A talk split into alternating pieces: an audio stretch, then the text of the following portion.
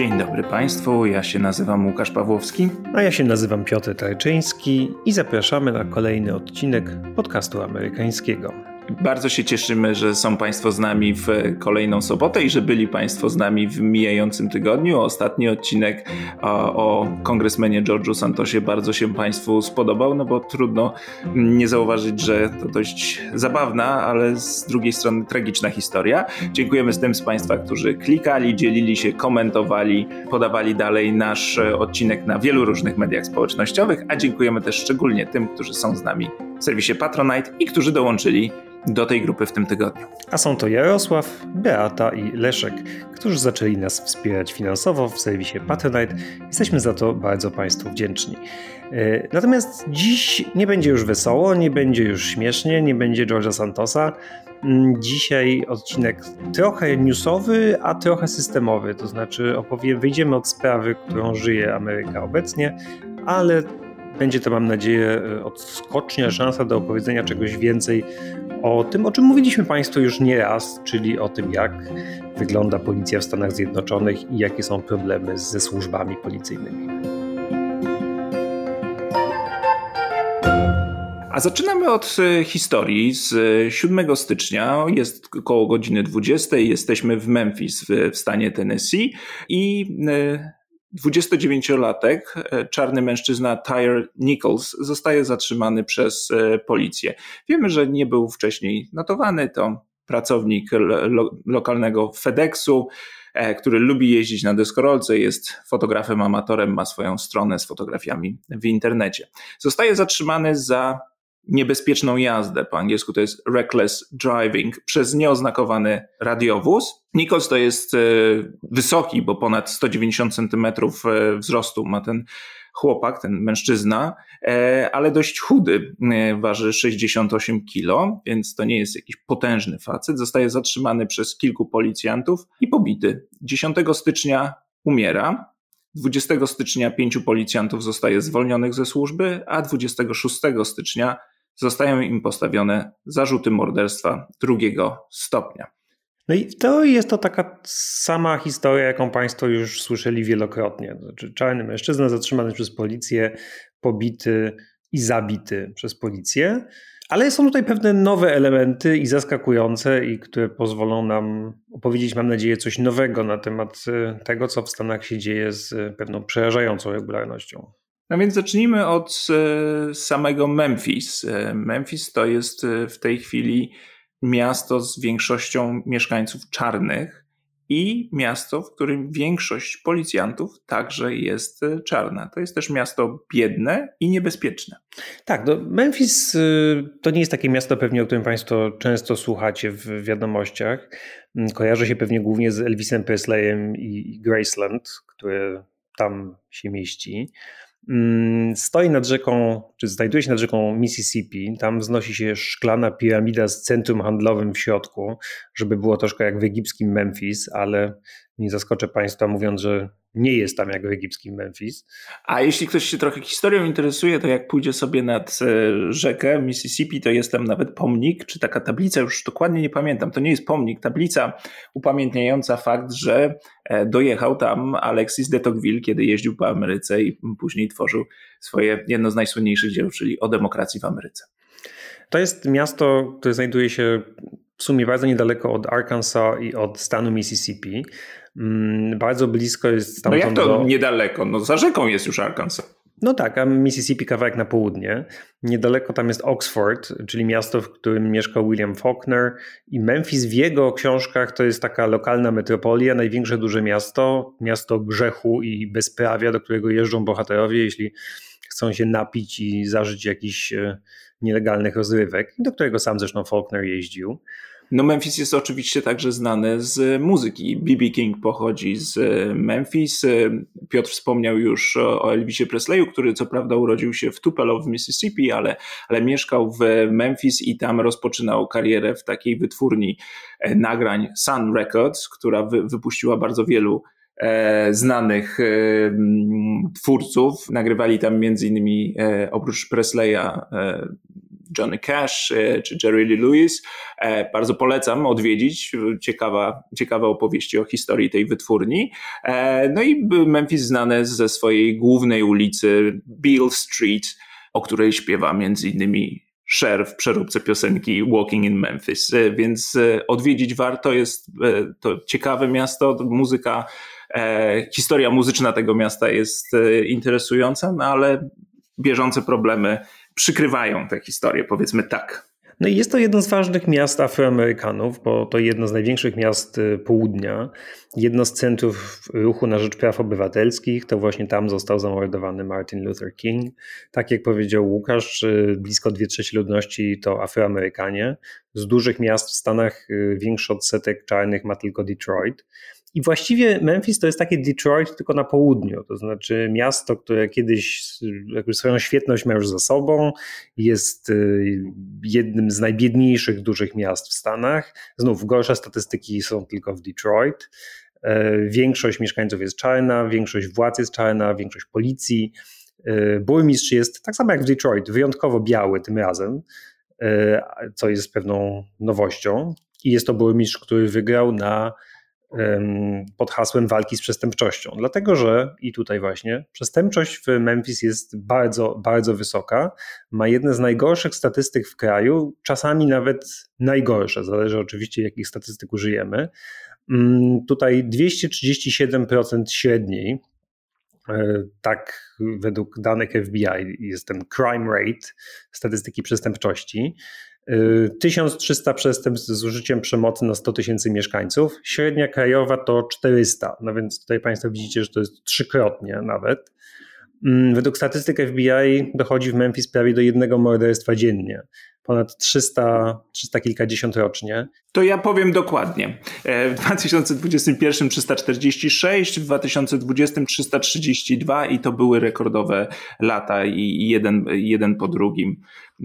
I mam dane, ale troszkę starsze, 21 morderstw na 100 tysięcy mieszkańców w roku 2015, czyli jakiś czas temu, e, ale następnie, następnie stały, stały wzrost e, i to były już 44 morderstwa na 100 tysięcy mieszkańców w roku 2020, czyli w ciągu 5 lat z 21 na 44. No, czyli prawie dwukrotnie. Z miast porównywalnej wielkości yy, właściwie tylko Baltimore albo Detroit mają podobnie złe statystyki. Na przykład Nowy Jork, na który tak często lubią zwracać uwagę republikanie, że ten strasznie niebezpieczny Nowy Jork, no to y, w Nowym Jorku mamy niecałe 500 morderstw rocznie, tylko że czyli więcej niż w Memphis, gdzie jest ponad 300, tylko że Nowy Jork jest 13 razy większy od Memphis. I rzeczywiście Memphis jest y, jakby stolicą przestępstw Ameryki. Znaczy we wszystkich statystykach plasuje się bardzo wysoko, czasem na szczycie tej listy. No i to jest pewnie trochę zaskakujące, bo pewnie jakby zapytać większość Amerykanów, a już tym bardziej większość Europejczyków, jak jest najbardziej niebezpieczne miasto w Stanach Zjednoczonych, to pewnie powiedzieliby, że albo Chicago, albo Detroit właśnie, ale mało komu do głowy przyszłoby Memphis w stanie Tennessee. Oczywiście to też bierze się z tego, że o czym mówiliśmy Państwu wielokrotnie, wzrost przestępczości jest w całym kraju ostatnio, w ostatnich dwóch, trzech latach, związany z pandemią zapewne. Nie ma na to jeszcze dobrych odpowiedzi. Socjologowie jeszcze nie doszli do tego, z czego się bierze ten wzrost przestępczości, no ale on jest oczywiście zauważalny wcześniej. Natomiast z Memphis jest trochę tak, jak powiedział Łukasz, że ten wzrost przestępczości zaczął się jeszcze przed pandemią i on jest jakby tylko przyspieszył w ostatnich kilku latach, ale ta przestępczość w Memphis rośnie stale. No tak, i mm, rośnie także ten poziom biedy, o którym mówiłeś, to żeby pokazać, jak to się zmieniało na przestrzeni lat, to w roku, znalazłem takie dane mówiące, że w roku 1980 e, jeden na pięciu mieszkańców e, miasta żył poniżej poziomu ubóstwa, ale w 2018 to już był jeden e, na czterech, a odsetek populacji żyjących w biednych dzielnicach wzrósł z 30% w roku 80 do 43% w roku 2018. Więc ten upadek miasta to, to jest kwestia, czy zwijanie się miasta to jest kwestia dekad. To znaczy tam zamykano kolejne e, zakłady pracy, między innymi fabrykę opon. Właściwie jedynym tak naprawdę pracodawcą istotnym w Memphis jest FedEx. Y, tutaj też Państwa może zaskoczymy. FedEx y, to jest jakby hub FedExu, to jest właśnie Memphis i lotnisko w Memphis jest jednym z najbardziej ruchliwych y, lotnisk transportowych na świecie, a czasem nawet jest na szczycie tej listy. W związku z tym rzeczywiście perspektywy pracy w Memphis są takie, że idziesz do szkoły, kończysz liceum przeważnie i potem idziesz do pracy do FedExu i właśnie Nichols pracował w FedExie i wracał z pracy w FedExie, kiedy został zatrzymany przez policjantów. No i Trochę jest tak, że przestępczość oczywiście odstrasza od Memphis. Y, są tam nie tylko te statystyki są straszne, ale też są, dochodzi tam ostatnio, czy doszło ostatnio do wielu takich głośnych y, przestępstw, głośnych strzelanin, a to strzelanina w, w środku miasta, a to porywanie nauczycielki i zamordowanie, które trafiały na pierwsze strony gazet w Stanach. No i to oczywiście szkodzi biznesowi, odstrasza od miasta, jest jednym z najważniejszych problemów według mieszkańców. No i właśnie dlatego zdaje się, że władze przyjęły taką metodę działania. Musimy jak najszybciej zdusić przestępczość, dzięki temu poprawimy, no poprawimy statystyki, poprawimy image miasta, przyciągniemy biznes, który da pracę, e, wyciągnie ludzi z biedy, no a więc zmniejszy takie podstawy czy warunki e, do pojawiania się przestępczości. Taką chyba strategię władze miejskie przyjęły. Zdecydowanie, no i właśnie burmistrz Strickland, który wygrał pod hasłem wzmocnienia policji, mm, postanowił dać więcej pieniędzy na, y, na policję. Przy czym i tak już jakby budżet Memphis idzie na policję w ogromnym procencie. To jest 38% budżetu Memphis, to jest policja i służby porządkowe. Dokładnie tak. I mimo tego, że ten, ten budżet rośnie e, i bardzo chcą e, władze miejskie zatrudniać więcej policjantów, to mają z tym problem. Nie ma chętnych. E, a te 38% budżetu, o którym Piotr wspomniał, to jest 276 milionów dolarów i to jest najwyższy wskaźnik dla miast o porównywalnej wielkości. I mam tutaj przykłady. Atlanta wydaje 32% na mm, służby porządkowe, Louisville 20%. 24%, Nashville w stanie Tennessee 20%. No i Memphis też nie ma czym się pochwalić. Jak już Państwu pokazaliśmy, to mimo tych ogromnych wydatków nie widać e, rezultatów. Po protestach w 2020 roku, po ogólnokrajowych protestach, protestach po zamordowaniu George'a Floyda, e, w wielu miastach Stanów Zjednoczonych powstały jakieś plany zreformowania służb policyjnych i tak samo było w Memphis. Powstał plan Reimagining Policing. Wyobraźmy sobie policję na nowo, który miał polegać na zbieraniu y, opinii od mieszkańców, co jest nie tak. No i rzeczywiście zaczęły spływać ankiety i problemy, które tam wyszły, też znowu Państwa pewnie nie zaskoczymy, były takie jak wszędzie. To znaczy, że policja inaczej traktuje białych i niebiałych, że policja nadmiernie używa siły, że policja jest arogancka, że obraża ludzi, że jest y, wręcz jakoś tak maniakalnie, patologicznie, wściekle reaguje na tak zwany brak szacunku. Dokładnie i zatrzymuje ludzi za nie za poważne przestępstwa, tylko że jakieś drobne wykroczenia ma do tego tendencję. To znaczy, można, nie wiem, właśnie jechać nieodpowiednio i zostać e, z tego powodu nie tylko zatrzymany, ale i brutalnie potraktowany. Natomiast ulicę dalej mieszka znany, nie wiem, handlarz narkotykami i jego policja już nie rusza, bo się go boi, ale sklepie cię na, jak cię zatrzyma po prostu za przekroczenie prędkości. E, no, Właśnie nie wiem, czy się go boi, czy jaki jest powód. To, to tutaj oczywiście będą różne e, odpowiedzi, ale kiedy pyta się mieszkańców, no to mieszkańcy na to zwracają właśnie uwagę, że tutaj z jednej strony za niemanie świateł można dostać, e, zostać aresztowanym, a wszyscy wiedzą, bo to też ludzie wiedzą w okolicy, gdzie mieszkają przestępcy, gdzie dochodzi do przestępstw i tam policja nie reaguje. No i kiedy raport wrócił w 2021 roku, to sytuacja była już inna, dlatego że zaczęła się ta fala przestępczości ogólnokrajowa i to już była nowa, no, nowe podejście do policji. Znaczy wszyscy byli, już skończyło się, spróbujmy wyobrazić sobie policję na nowo, było raczej spróbujmy wzmocnić policję taką, jaka jest, dlatego że to nie jest czas na eksperymenty, to nie jest czas na zmiany, to jest czas na to, żeby walczyć z, z przestępczością stałymi metodami. No i w 2021 roku z inicjatywy nowej komendantki policji, która CJ, jest czarną kobietą. CJ Davis, się nazywa ta pani, a powstała specjalna jednostka, która się nazywa Street Crimes Operation to Restore Peace in Our Neighborhoods. No, no jak tak ładnie. mówisz, to nie brzmi dobrze. Ona się, nazywa, ona się nazywa inaczej. Ona się nazywa, no liczna jednostka, aby przywrócić pokój w naszych y, dzielnicach. Tylko to jest akronim i z tego wychodzi specjalna jednostka Skorpion. No i tutaj, gdyby Państwo mogli zobaczyć moją minę, jak ja przewracam oczami, jak widzę jednostkę policyjną o nazwie Skorpion, to by Państwo już jakby wielu Państwu odpowiedziało, co ja na ten temat sądzę. To było 40, 40 kilku takich twardych policjantów, których miano kierować do najniebezpieczniejszych zakątków miasta i oni mieli zajmować się rozbrajaniem przestępców, wykorzystywać zatrzymania drogówkowe, powiedzmy właśnie, do łapania poważnych przestępców. To miał być klucz do sukcesu miasta, takie właśnie siła uderzeniowa. Oni spadają na niebezpieczną dzielnicę, zatrzymują wszystkich jak leci i być może po drodze znajdą coś niebezpiecznego, bo a to ktoś ma broń w samochodzie, a to ktoś ma narkotyki, a to coś tam. No i już kilka dni po uruchomieniu tej inicjatywy ogłosili swoje wielkie sukcesy, skonfiskowali 30 sztuk broni i 170 gramów marihuany. No i to oczywiście podbijało statystyki, no bo takie zatrzymania jakby rosną statystyki, którymi potem chwali się komendantka policji i chwali się burmistrz za każdym razem, ile broni zatrzymali, sztuk broni, ile aut skonfiskowali, ile gotówki zajęli. No i to oczywiście jest taka samo napędzająca się machina, no bo tutaj oni zatrzymują coraz więcej ludzi i zatrzymują coraz więcej rzeczy, a miasto się tym chwali i mówi, zobaczcie co robimy, jakby walczymy z przestępczością.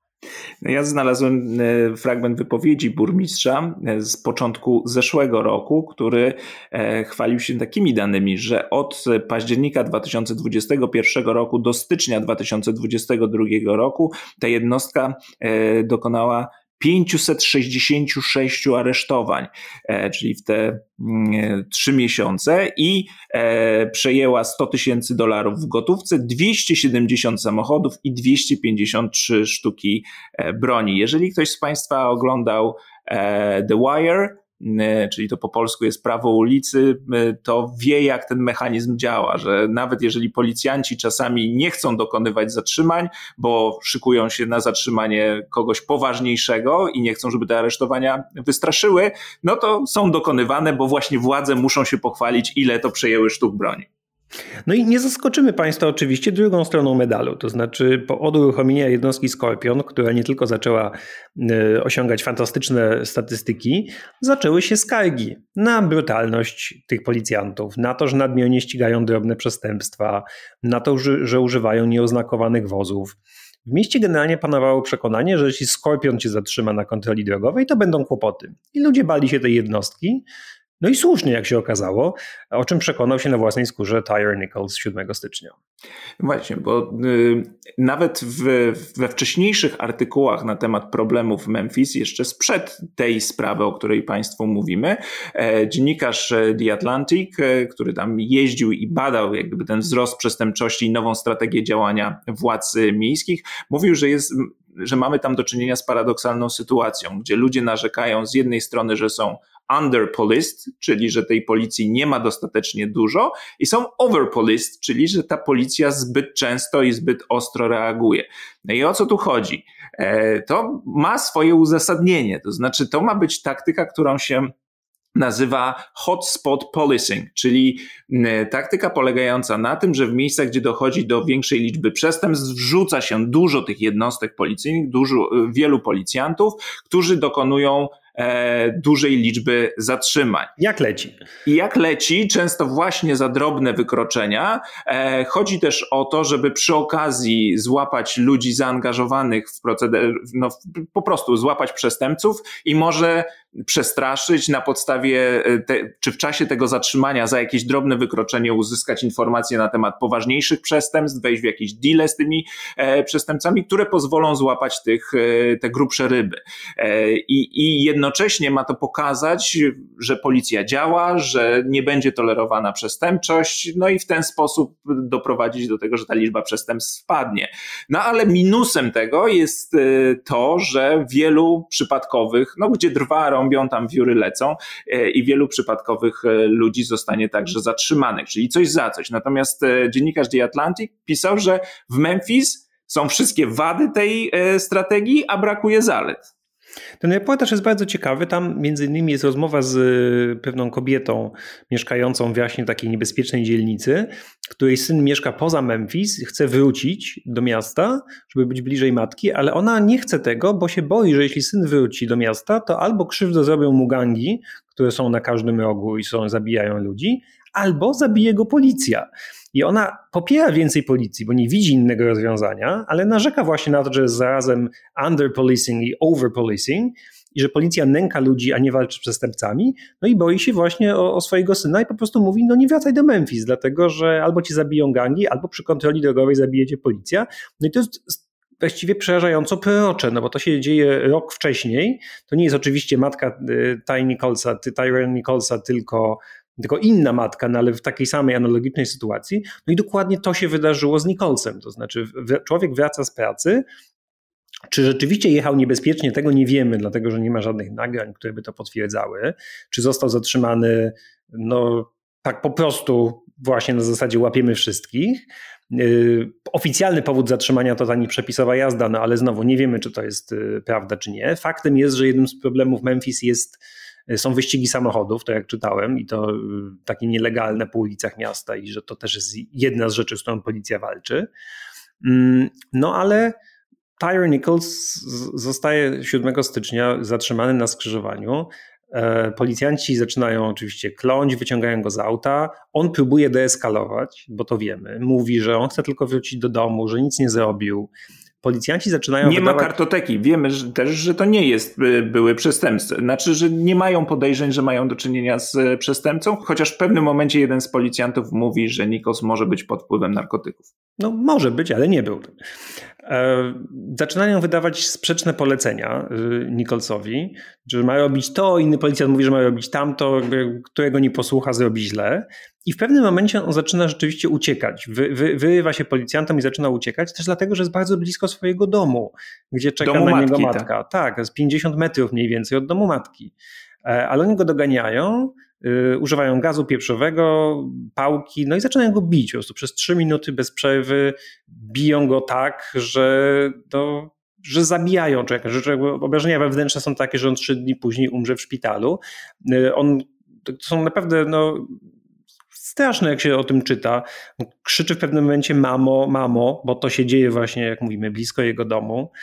Mm, przyjeżdża karetka wreszcie i to też jest szokujące, nikt się nim zajmuje. Przez 20 minut policjanci go usadzili y, przy radiowozie, oparli go o samochód i on osuwa się na ziemię y, co jakiś czas, oni go tylko jakby znowu podnoszą do pionu, y, żeby tam dalej siedział i ci strażacy, no bo to są strażacy, taka karetka ratownicy medyczni nic z nim nie robią przez 20 minut. On trafił do szpitala ostatecznie w stanie krytycznym i tam zmarł 3 dni później. Ale skąd my to wszystko wiemy? Znaczy skąd dokładnie y, mamy opis tej sytuacji? A to dlatego... No właśnie, wiemy, bo to się wszystko nagrało. Mamy i wersję, e, mamy i obraz, i dźwięk, bo tych nagrań mamy bardzo dużo. Są zarówno nagrania z kamer y, przy, które noszą policjanci na mundurach, e, jak i z kamery zamieszczonej na słupie, bo w Memphis w ramach tej całej mm, akcji zwalczania przestępczości uruchomiono także taki specjalny program,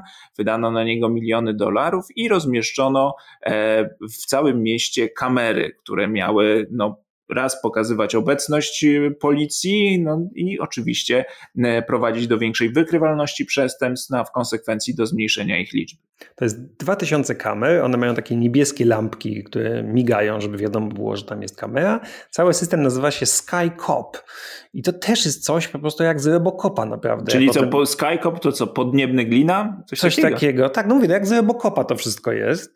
Nawiasem mówiąc, w Detroit, gdzie dzieje się Robocop, ten system y, kamer policyjnych też funkcjonuje, tylko że w Detroit on jeszcze jest wyposażony w system y, rozpoznawania twarzy. Więc tutaj już naprawdę mamy y, Robocop na żywo. W Memphis one nie rozpoznają twarzy, natomiast przekazują do centrali obraz dobrej jakości, pozwalają zoomować, pozwalają policjantom w centrali sterować tą kamerą. No i one dają takie złudne poczucie bezpieczeństwa niektórym, złudne, dlatego że śledztwo lokalnej gazety z Memphis pokazało, że od czasu wprowadzenia tego systemu SkyCop kamery wcale zauważalnie nie pomogły w wykrywalności przestępstw, znaczy nie, nie przełożyły się absolutnie na jakąś większą wykrywalność. No i były oczywiście krytykowane przez różnych aktywistów i działaczy na rzecz prywatności, no że to jest y, wcale nie odstraszają, no to z pewnością kontrolują. Natomiast i tutaj trzeba przyznać, kamera SkyCop okazała się przydatna w tym jednym przypadku, tylko no nie tak jak miała. Dlatego, że całe to morderstwo Nicholsa odbyło się dokładnie pod jedną z kamer systemu SkyCop, bo mamy obraz zarówno z tych kamer właśnie policyjnych, ale one są, wiecie Państwo, no Mm, jak może Państwo widzieliście na YouTubie czy gdzieś, te wszystkie kamery, które policjanci mają przy, na mundurach, no to one przekazują obraz po pierwsze taki dość zniekształcony, a po drugie to wszystko jest strasznie w ruchu. Tam bardzo często się trudno zorientować, co się w ogóle dzieje, no bo ta kamera podskakuje, biegnie razem z policjantem i tak dalej. A z kolei obraz z tego SkyCop, no to jest po prostu kamera umieszczona wyżej i ona po prostu wszystko nagrywa z góry. Tam wprawdzie nie ma dźwięku, ale wszystko widać. I widać bardzo dobrze, tak jak Piotr powiedział, jest to do, dobrej jakości nagranie. No i co widzimy?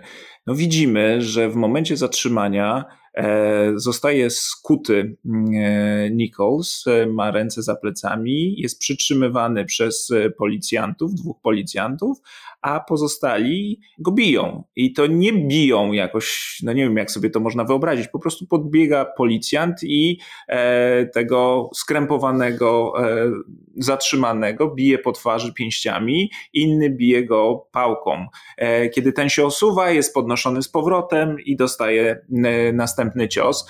Nie stawia oporu, bo jest już, nie wiem, czy traci przytomność, ale nie, nie stawia oporu, osuwa się tam na rękach tych policjantów, którzy go E, przytrzymują, więc nie ma żadnego uzasadnienia. Jeżeli celem było zatrzymanie i wymagało użycia, wymagałoby użycia przemocy, to nie było tak w tym wypadku, bo delikwent jest już zatrzymany, e, nie stawia oporu. E, to chodzi tylko, wygląda to jakby to była jakaś zemsta albo próba, po prostu próba upokorzenia. Czy on w pewnym momencie się, jak powiedzieliśmy, wyrywa i ucieka, no ale jakby ucieka, ponieważ boi się o swoje życie, no jak widać. Ale przy słusznie. drugim zatrzymaniu, kiedy już jest zatrzymany, y, dogoniony i zatrzymany i tam jest bity, no to tu już oporu nie stawia. Nie, nie, oczywiście. No, no i Y, nagranie z kamer, te wszystkie nagrania z kamer zostały ujawnione.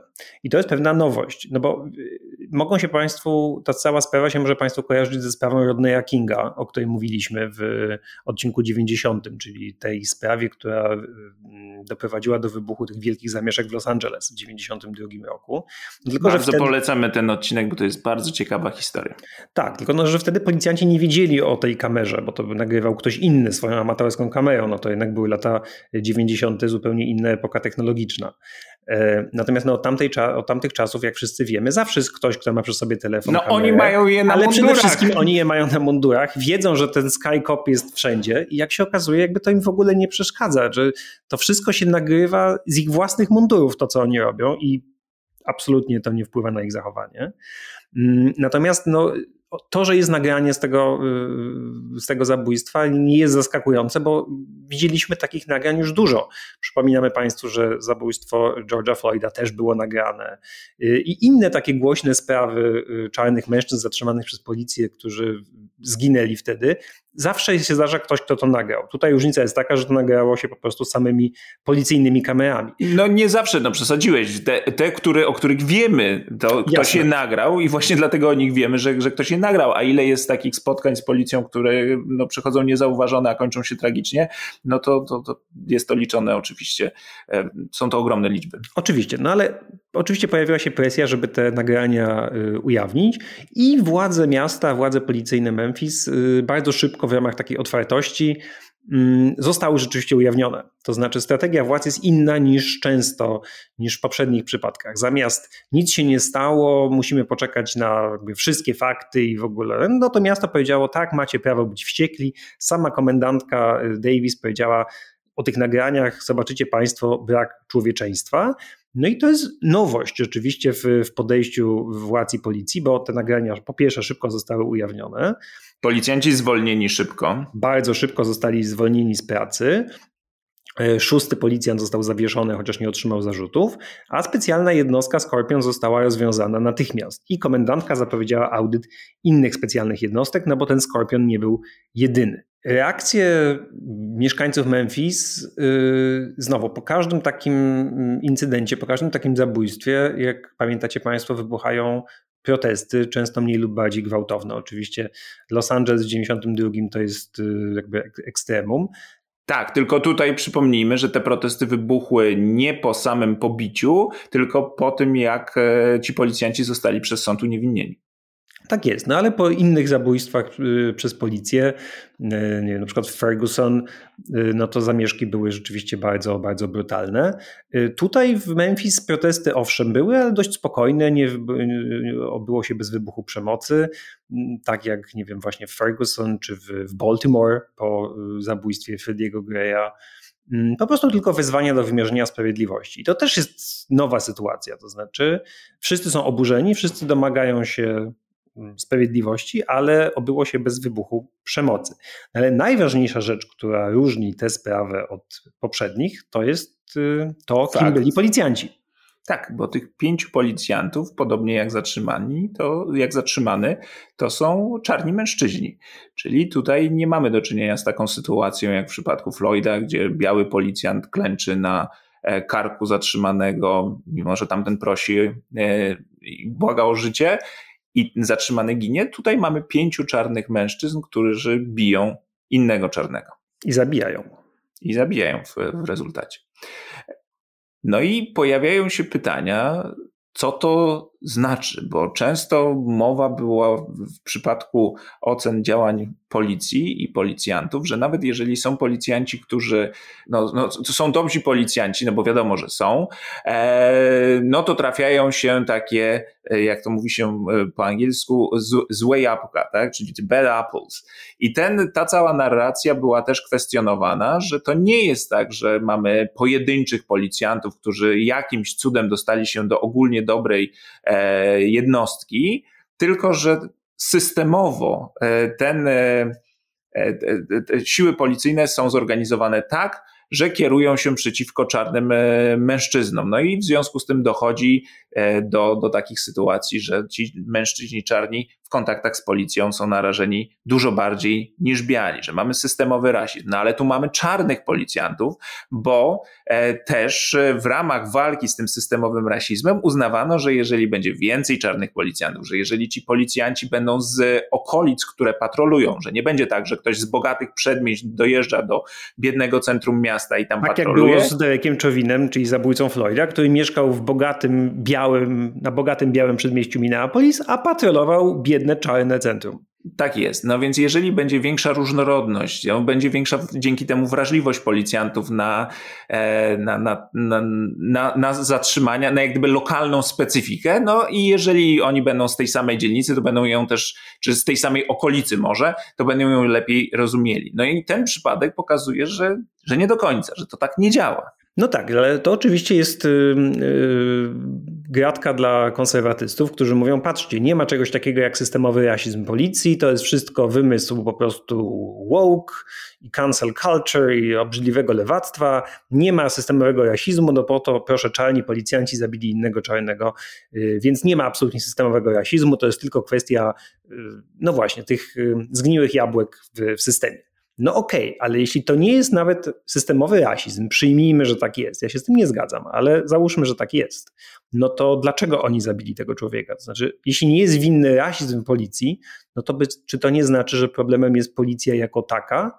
To znaczy, że niejako brutalność policji jest niejako wpisana w jej DNA, o ile policja w ogóle ma DNA, to znaczy, tu, tu jest, to wcale nie jest dobra odpowiedź dla konserwatystów, bo to znaczy, że problemem nie jest rasizm policji, tylko w ogóle policja.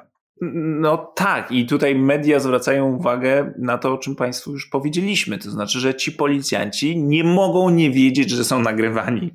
Znaczy, nie ma takiej możliwości.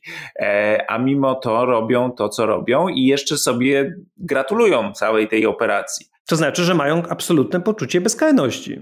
No właśnie, czego, nie wiem czego mają poczucie. E, no, mają poczucie tego, że postępują słusznie i że to, co robią, jest jak najbardziej uzasadnione. I z jednej strony to dobrze, że reakcja jest inna, reakcja miasta, to znaczy, że natychmiast jest potępienie tego, co się wydarzyło, a nie no to wszystko nie jest takie proste, że ci policjanci zostali natychmiast zwolnieni, że specjalna jednostka Skorpion została natychmiast rozwiązana. To wszystko jest super.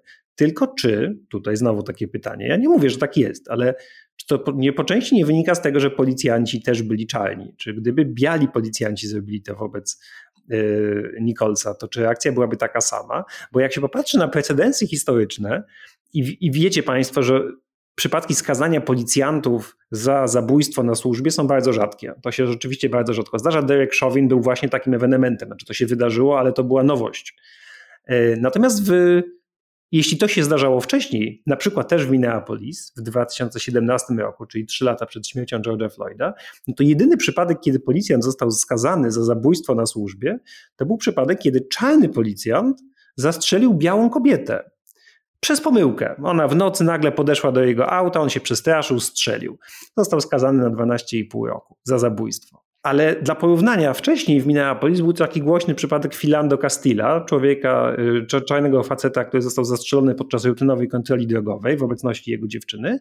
I policja Która został... nagrała to i było to nawet y, chyba przez moment y, na żywo streamowane na Facebooku. Tak, i policjant został uniewinniony.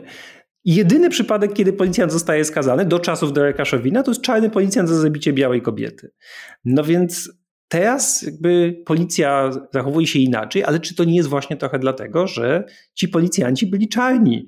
E, i zabili czarnego. I w związku z tym nie ma problemu z tym, żeby ich, jak to się mówi po angielsku, wrzucić pod autobus. Powiedzieć, no to oni są winni, ale to znowu nie jesteśmy my, to nie policja jest problemem, tylko tych pięciu e, brutalnych policjantów, którzy przeszli niedoskonały trening, bo tam też oczywiście jest taka narracja, no oni byli mało doświadczeni. E, no, no była... do, dobra, dobra, no to poczekaj. E, I tak i nie, bo tutaj jest, jest kilka wątków. Po pierwsze, powiedzieliśmy Państwu, że oni należeli do specjalnej jednostki. E, prawda? która miała zajmować elitarnej specjalnej jednostki. No więc e, jak to jest, że do elitarnej specjalnej jednostki należą policjanci bardzo młodzi, bo oni to byli 20-30-latkowie, co jeszcze oczywiście samo w sobie nic nie znaczy, bo można być 30-latkiem bardzo doświadczonym, ale nie byli to doświadczeni policjanci. E, z tego co wiem, wszyscy wstąpili do służby między 2017 a 2020 rokiem, więc to nie są doświadczeni policjanci, a należą do specjalnej jednostki, więc tu już jest problem i on pokazuje to, o czym mówiliśmy wcześniej, że Memphis ma poważny problem z zatrudnianiem nowych y, ludzi do, do policji i tych doświadczonych policjantów brakuje. E, po drugie, e, mówisz, że chcą ich wrzucić pod autobus i powiedzieć, że to jest ich wina.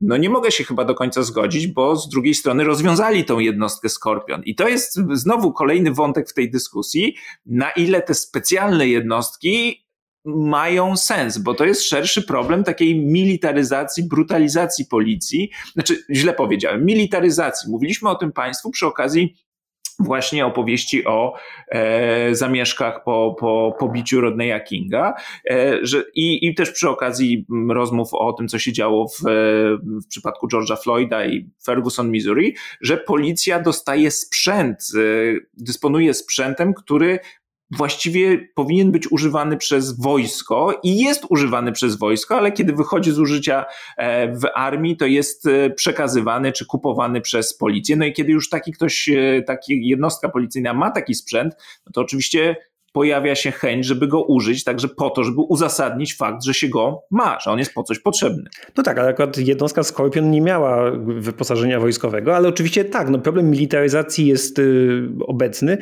Tutaj to jest raczej taki problem mentalności wojownika, to znaczy to jest ta militaryzacja, ale na trochę innym poziomie. No tak, że tworzysz specjalną jednostkę, która ma się zajmować tymi najbardziej brutalnymi, że jak gdyby ma zdusić te przestępstwa. Tak? Są trochę takimi komandosami, trochę takim właśnie oddziałem G.I. Joe. I te specjalne jednostki, które mają być tą kluczową bronią w walce z przestępczością, złożone z takich niekonwencjonalnych, brutalnych, elitarnych policjantów, cieszących się pewną opinią, żeby się tak trochę pobawić w takiego brudnego Harego, y, no to jest właśnie taki koncept z lat 70., z czasów brudnego Harego. Y, to powstało jako pierwsza taka jednostka, pierwsza znana jednostka, to w Nowym Jorku w latach 70. to się nazywało Street Crime Unit. E, I to była wtedy nowatorska metoda 60 tak do 100 policjantów, którzy właśnie robili to, o czym mówimy, że spadali na te niebezpieczne dzielnice. No a w latach 70. w Nowym Jorku to co druga dzielnica była niebezpieczna. Co druga mm. ulica. I co druga ulica. Oni mieli takie motto: We own the night. No i to, to wszystko jakby układa się w pewien obraz. Noc należy do nas. No i ta jednostka Street Crime Unit dokonywała właśnie 4000 aresztowań rocznie. 80% zatrzymanych było skazanych, czyli bardzo wysoko. Czyli to, wtedy ta metoda działała. To znaczy, rzeczywiście oni zatrzymywali ludzi, ale faktycznie oni w większości byli winni jakichś przestępstw. Oczywiście pytanie jest, jakich przestępstw i czy rzeczywiście byli, byli poważni przestępcy, czy nie, ale faktycznie początkowo można powiedzieć, że ta metoda w Nowym Jorku w latach 70. działała. Ale oczywiście szybko pojawiły się problemy, czyli te co zawsze, nadmierna brutalność, y, skargi. No i głośną taką sprawą, która doprowadziła do zniesienia, do zlikwidowania tej jednostki w Nowym Jorku, to był 99 rok, kiedy został zastrzelony Amadou Diallo, nieuzbrojony czarny student. On dostał 41 strzałów, kiedy sięgał po portfel. Policjanci, zaskoczymy Państwa, zostali uniewinnieni. Natomiast rzeczywiście w 2002 roku ostatecznie jednostkę rozwiązano za racial profiling, czyli za to, że zatrzymywała wyłącznie osoby o określonym kolorze skóry, czyli niebiałym. Ale to nie jest tak oczywiście, że to była jedyna taka jednostka w Nowym Jorku. Inne takie jednostki anti-crime, specjalne, elitarne, patrolujące w cywilu istniały nadal.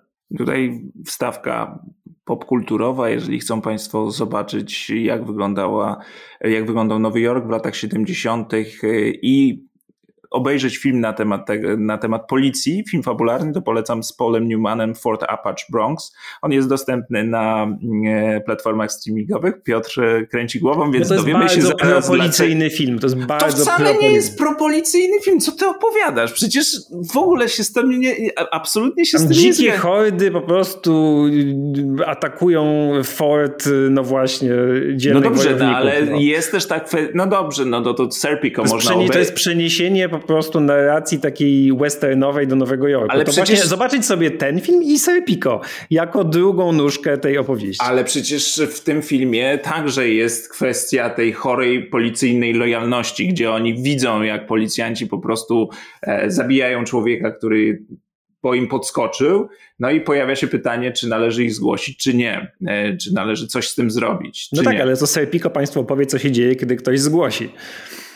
To prawda. W Nowym Jorku istniały też inne jednostki takie elitarne, yy, które zatrzymywały ludzi pod byle pozorem i bardzo często strzelały do ludzi, jak pokazywały statystyki. I zostały znowu rozwiązane w 2020 roku po zabójstwie George'a Floyda, kiedy była ta fala reformowania policji, przynajmniej na jakimś takim poziomie symbolicznym.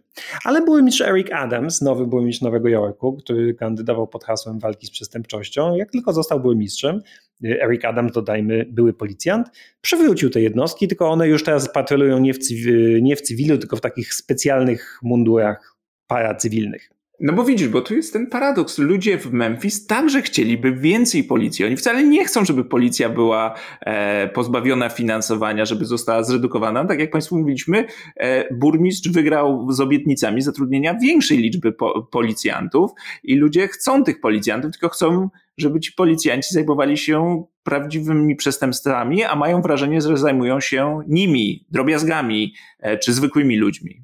Tak, no dlatego została zatrudniona komendantka Davis, która też miała doświadczenie w takich specjalnych jednostkach, tylko z kolei z Atlanty. One w Atlancie istniały od lat 80. i one się nazywały Red Dog. Znowu, proszę Państwa, to taka nazwa, ona się rozwija na Run every drug dealer out of Georgia. Przegońmy wszystkich dealerów narkotykowych z Georgii. No ale to nie jest przypadek, że ona się nazywa Red Dog, czerwony pies. I one się wszystkie tak nazywają po prostu. Scorpion, Red Dog, Titan. No ale jak się y, mają nazywać? No stokrotka, no... Nie no, czy one się nie mogą nazywać, nie wiem, jakieś tam ABC, CHD, THC, CVB, czy to się wszystko musi nazywać tak, jakby było y, jednostką komandosu służącą do zabijania terrorystów? No tak jak, tak jak jednostki SWAT. SWAT to jest uderzenie, z, zbicie czegoś, a to się rozwija w Special Weapons and Tactics. No i e... Red Dog, nie zaskoczymy Państwa, też zostało zlikwidowane w 2011 roku po szeregu skarg skarg, na przykład po takim głośnym pozwie, po tym jakiś wyjątkowo brutalny najazd na bar gejowski w Atlancie, po nielegalnych przesłuchaniach i tak dalej. Więc Red Dog został zlikwidowany, ten Red Dog, w którym pracowała y, CJ Davis, obecna komendantka y, policji z Memphis, ale zostało zastąpione inną, nową jednostką, która się, jak mówię, nazywa Titan. No i te specjalne jednostki to jest też jakiś taki powracający motyw w, w, w historii amerykańskiej policji, one się naprawdę potrafią stosunkowo łatwo wymknąć spod kontroli. Tutaj najsłynniejszym takim przypadkiem jest oczywiście Baltimore, gdzie ta specjalna jednostka, która zaskakująco nie miała żadnej nazwy typu Skorpion, y, Wilk, Bestia, nic takiego. Nazywała się po prostu Gun Trace Task Force, czyli y, oddział zajmujący się poszukiwaniem broni. Y, I okazała się po prostu gangiem, to znaczy okazała się po prostu operującym w ramach policji gangiem, który klepał inne gangi, ale tak naprawdę to był po prostu usankcjonowany prawnie przez policję gang, który wymuszał kasę od ludzi, też przestępców, handlował narkotykami i tak dalej. Jest o tym serial, y, taki mini serial na HBO, Miasto jest nasze. To jest ten gość, który zrobił The Wire właśnie. Bardzo Państwu polecam.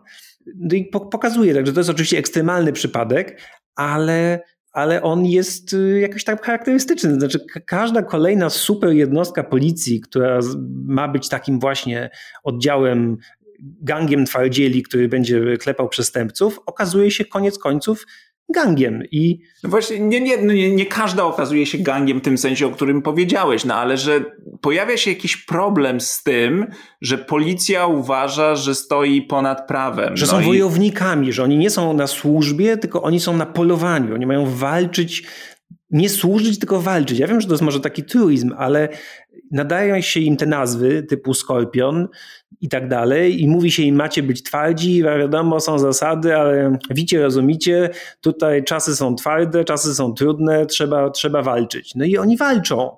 I, I co więcej, wcale nie są tak przydatne do łapania przestępców. To znaczy, jak się, oni mają bardzo wysokie statystyki, ale to są często, tak jak mówiliśmy, statystyki polegające na tym, że bardzo zatrzymaliśmy dużo sztuk broni, bardzo żeśmy dużo zajęli kasy.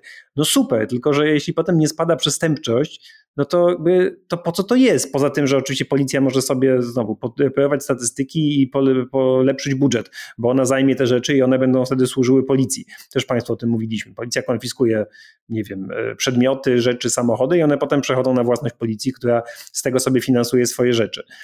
Natomiast nie ma tutaj kompletnie tego, co jest podstawą policji, co mówią też doświadczeni policjanci, to znaczy zaufanie między policją a obywatelami.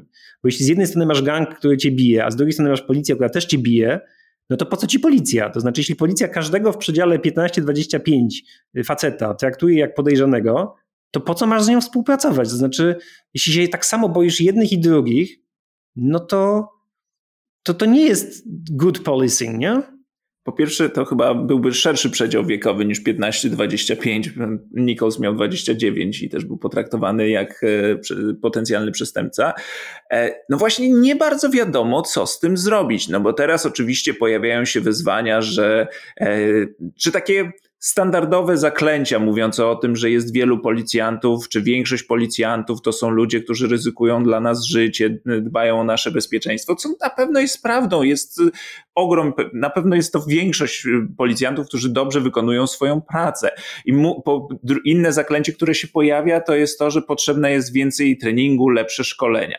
No ale widzimy to na nagraniach, że tym ludziom nie pomogłoby lepsze szkolenie, bo oto mają człowieka, który im się nie stawia, który jest już zatrzymany, nie trzeba nic więcej robić. I, I mimo to go biją. To znaczy, tutaj szkolenie nic by, nic by nie zmieniło. No więc y, dochodzimy właśnie wbrew pozorom, to ta cała sytuacja, w której pięciu czarnych policjantów bije czarnego mężczyznę tak, że ten umiera, nie rozwiązuje, czy nie jest znakiem tego, że się udało rozwiązać jakieś problemy, tylko pokazuje, że te problemy są tak samo poważne, albo może nawet jest gorzej niż nam się wydawało poprzednio. W środę odbył się pogrzeb y, Nicholsa, w którym wzięła udział y, wiceprezydentka Kamala Harris, y, ale także na przykład rodziny wielu innych ofiar policyjnej brutalności. Rodzina George'a Floyda, Erika Garnera, Breonna Taylor. Y, I, no i oczywiście dużo było o policyjnej brutalności na tym pogrzebie. Mm, mówię o Kamali Harris też dlatego, że ona jeszcze jako senatorka w 2020 była jedną ze sponsorek ustawy mm, George Floyd Justice in Policing Act, ustawa imienia George'a Floyda o sprawiedliwości w policji, która miała być takim rozwiązaniem bolączek y, policyjnych. To jest y, projekt, który przeszedł wprawdzie w Izbie Reprezentantów demokratycznej, ale w Senacie oczywiście umarł, no bo wiecie Państwo, filibuster, więc y, nic się z tym nie wydarzyło. On potem znowu przeszedł przez Izbę w 21 i znowu nie przeszedł przez Senat. No i to jest taka ustawa, w która, no właśnie, co ona chce? Ona oczywiście mówi tak, no więcej pieniędzy na trening. No tak jak powiedział Łukasz, e, trening policjantów, no czy to rzeczywiście jest problem? Czy rzeczywiście oni są za słabo wytrenowani? No po części tak, jeżeli to są, jeżeli do specjalnej jednostki super e, nastawionej na zwalczanie przestępczości trafiają ludzie, którzy są w policji dwa lata, no to jest problem. Okej, okay. kamery. Żeby wszędzie były kamery, kamery na wozach policyjnych i tak dalej. No ale tutaj pokazuje na przykład ten, że kamery niestety, jak się, czy bardzo dobrze, że są, bo one po, potem są dowodem przeciwko policjantom. Natomiast y, czy one zniechęcają policjantów do brutalności? No jak pokazuje ten przypadek, ale też wiele innych, nie. To nawet nie jest tak, że te kamery, przecież każdy ma teraz kamerę. Znaczy, kiedy dokonujesz zatrzymania jako policjant, to prawie na pewno będzie ktoś obok krę, kręcił film komórką. Więc jak się okazuje, kamery wcale nie zniechęcają policjantów do tego, żeby zachowywać się brutalnie. Natomiast faktem jest, że jest tam kilka rzeczy w tym projekcie ustawy, które mm, wydaje się mogłyby mieć jakiś sens. To znaczy na przykład federalny rejestr nadużyć policyjnych i większe środki na badanie tychże.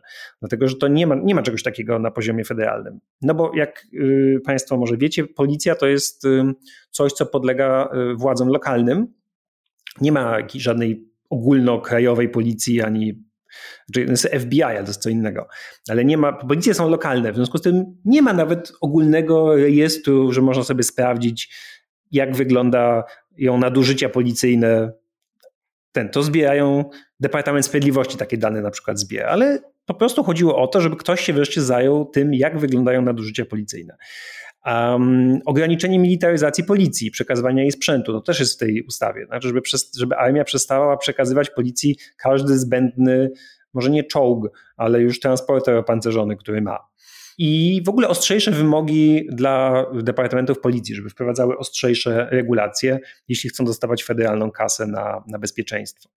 No i y, no tu znowu podział między demokratami a republikanami jest widoczny także i w tej sprawie. Wszyscy demokraci byli za, wszyscy republikanie byli przeciw. Największym takim problemem i punktem spornym to jest y, kwalifikowany immunitet policyjny. Zasadniczo chodzi o to, żeby łatwiej było można postawić zarzuty policjantom, dlatego że e, teraz... A czemu taka... sprzeciwiają się związki zawodowe policjantów? I republikanie w związku z tym. No bo teraz jest tak, że rzeczywiście, żeby policjant otrzymał zarzut y, na przykład zabójstwa, no to muszą być spełnione znacznie wyższe te kryteria niż dla zwykłego człowieka. W związku z tym policjanci prawie nie otrzymują zarzutów. Y, no, chyba właśnie, że Derek Chauvin albo teraz tych pięciu mm, policjantów z Memphis, którzy otrzymali od razu zarzuty. No i to jest y, jakby główny y, spór, no bo republikanie mówią, y, jeśli to zostanie przyjęte, to policjanci będą się bali pracować, będą się bali interweniować, ponieważ yy, będą mieli poczucie, że za każdym razem jak coś zrobią, to będą mogli pójść do więzienia i tak nie może być. No bo oczywiście policjant, jeżeli udowodni, a jest to stosunkowo łatwe, że e, poczuł się zagrożony, mm, że przestępca, czy zatrzymywany, przepraszam, że zatrzymany, nie wiem, chciał sięgnąć po broń albo tak, chciał jest sięgnąć argument z tym Nicholsem też pada Dokładnie, taki, on tylko, chciał że... sięgnąć po broń, no ale wiecie państwo... Ale nie po swoją broń, tylko po broń policjanta, że niby chciał wyrwać policjantowi broń. No ale to się pojawia bardzo często, że mm, zatrzymany chciał sięgnąć po broń, więc e, został, musieliśmy go zastrzelić czy oddać strzały. E, no ale mamy też szeregi nagrań pokazujące, że to nie jest prawda i policjant mimo to strzela, choć nie powinien się czuć zagrożony, tylko że to jest kategoria subiektywna, no bo skąd my możemy, jak można obiektywnie udowodnić, czy policjant czuł, czy nie czuł się zagrożony, prawda? E, no tylko zdarzają się też takie przypadki, jak w tym konkretnej sytuacji, że policjanci mają już zatrzymanego na ziemi, a mimo wszystko go biją. No więc tutaj nie da się tego uzasadnić poczuciem zagrożenia, tylko chęcią jakiejś zemsty.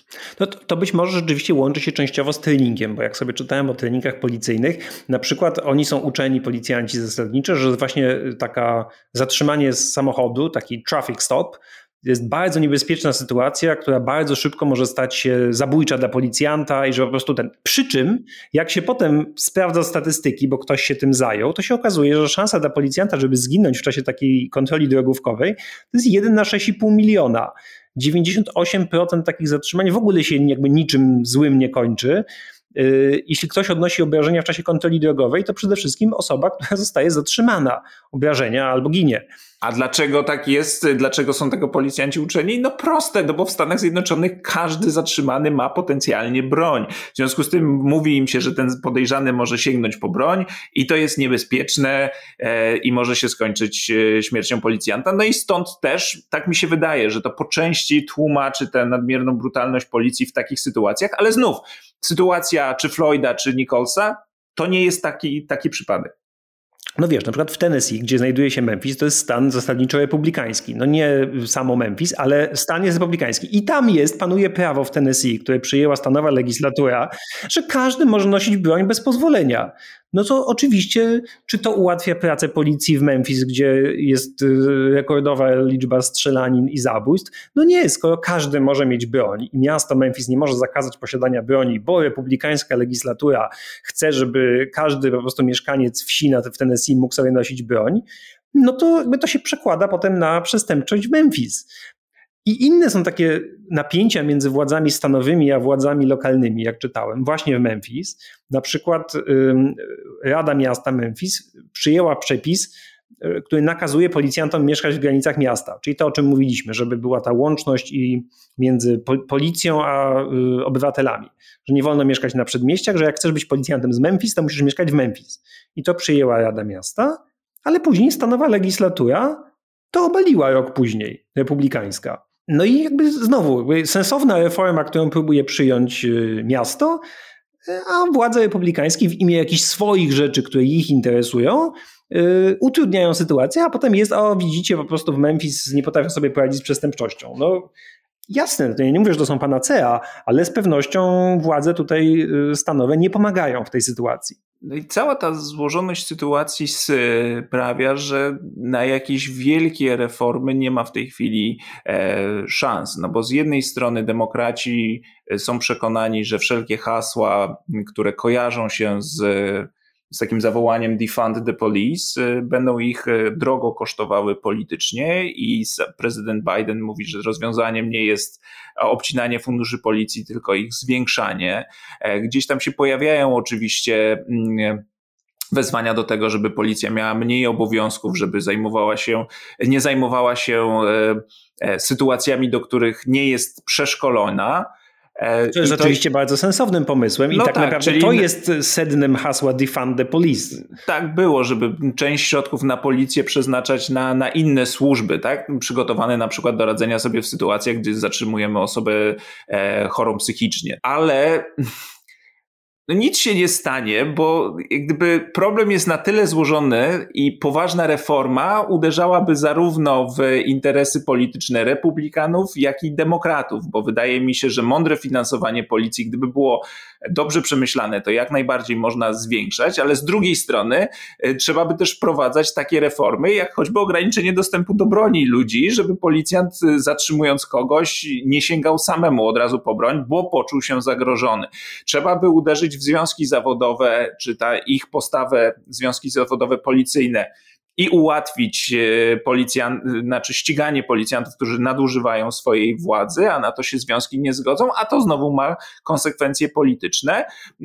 W związku z tym, nawet jeżeli pojawią się jakieś propozycje reformy, to zaraz znajdzie się potężna siła, która powie: Nie, nie, nie, nie idziemy tam i nic poważnego się w najbliższym czasie nie zmieni. No i też moment na jakiekolwiek reformy już minął, bo w 2020 po protestach po zabójstwie George'a Floyda to rzeczywiście był ten moment, kiedy y, nawet część republikanów miała takie poczucie, że może faktycznie coś trzeba zrobić, e, ale też statystyki przestępczości były wtedy dość niskie i, no i panowało właśnie takie przekonanie, że no to jest moment, ten moment. I stąd ta ustawa George'a Floyda, imienia George'a Floyda w, w kongresie. Ale od tamtej pory zaczął się wzrost y, przemocy, wzrost przestępczości, związany mniej lub bardziej z pandemią. Mm, no i to jakby to już załatwiło sprawę. To znaczy, owszem, policja zachowuje się źle, ale rośnie przestępczość. W związku z tym to nie jest czas na eksperymenty. Defund the police okazało się hasłem toksycznym. Zresztą mówiliśmy od samego początku, że to jest złe hasło, bo ono, nawet jeśli ma oznaczać coś innego, no to jest tak sformułowane, że po prostu ludziom się wydaje, że chcecie zlikwidować, lewacy chcą zlikwidować policję i niech każdy broni się sam. No to nie jest popularna pozycja i jakby to się nikomu nie podoba. Rzeczywiście tu jest jakaś taka przepaść pokoleniowa. Młodzi, jak się w badaniach opinii publicznej y, to wykazuje, to młodzi są bardziej za tym hasłem niż starzy, bo oni rozumieją, że tutaj chodzi nie tylko o to, żeby zlikwidować tych znienawidzonych policjantów, ale właśnie troszkę im pozbawić obowiązków, czy ułatwić im wykonywanie obowiązków. No ale to jakby nie ma znaczenia i to pokazują kolejne wybory. W Minneapolis odrzucono plany reformy y, służb policyjnych tego miasta, taki właśnie progresywny. W Nowym Jorku wybrano Adamsa, czyli najbardziej hardkorowego z demokratów, najbardziej takiego propolicyjnego kandydata. W San Francisco odwołano tego progresywnego prokuratora Chesa Budina, o tym też Państwu mówiliśmy. No więc jakby generalnie i demokraci są za finansowaniem policji, i republikanie są za finansowaniem policji, nawet jeśli republikanie twierdzą, że demokraci chcą obcinać środki, to nie jest prawda. Jakby tu nic się nie zmienia, wszystko idzie w tym samym kierunku co zawsze i po prostu to jest tylko kwestia czasu, aż będzie kolejny taki sam przypadek. No tak, no bo nie możesz finansować, ale bez reform, no to to finansowanie nie przyniesie pożądanych e, skutków. Czyli znowu nic się nie zmienia. E, tym razem, jak mówiliśmy, miało być nieprzyjemnie i było. Kolejny pesymistyczny odcinek podcastu amerykańskiego. Życzymy Państwu miłego weekendu. Do usłyszenia.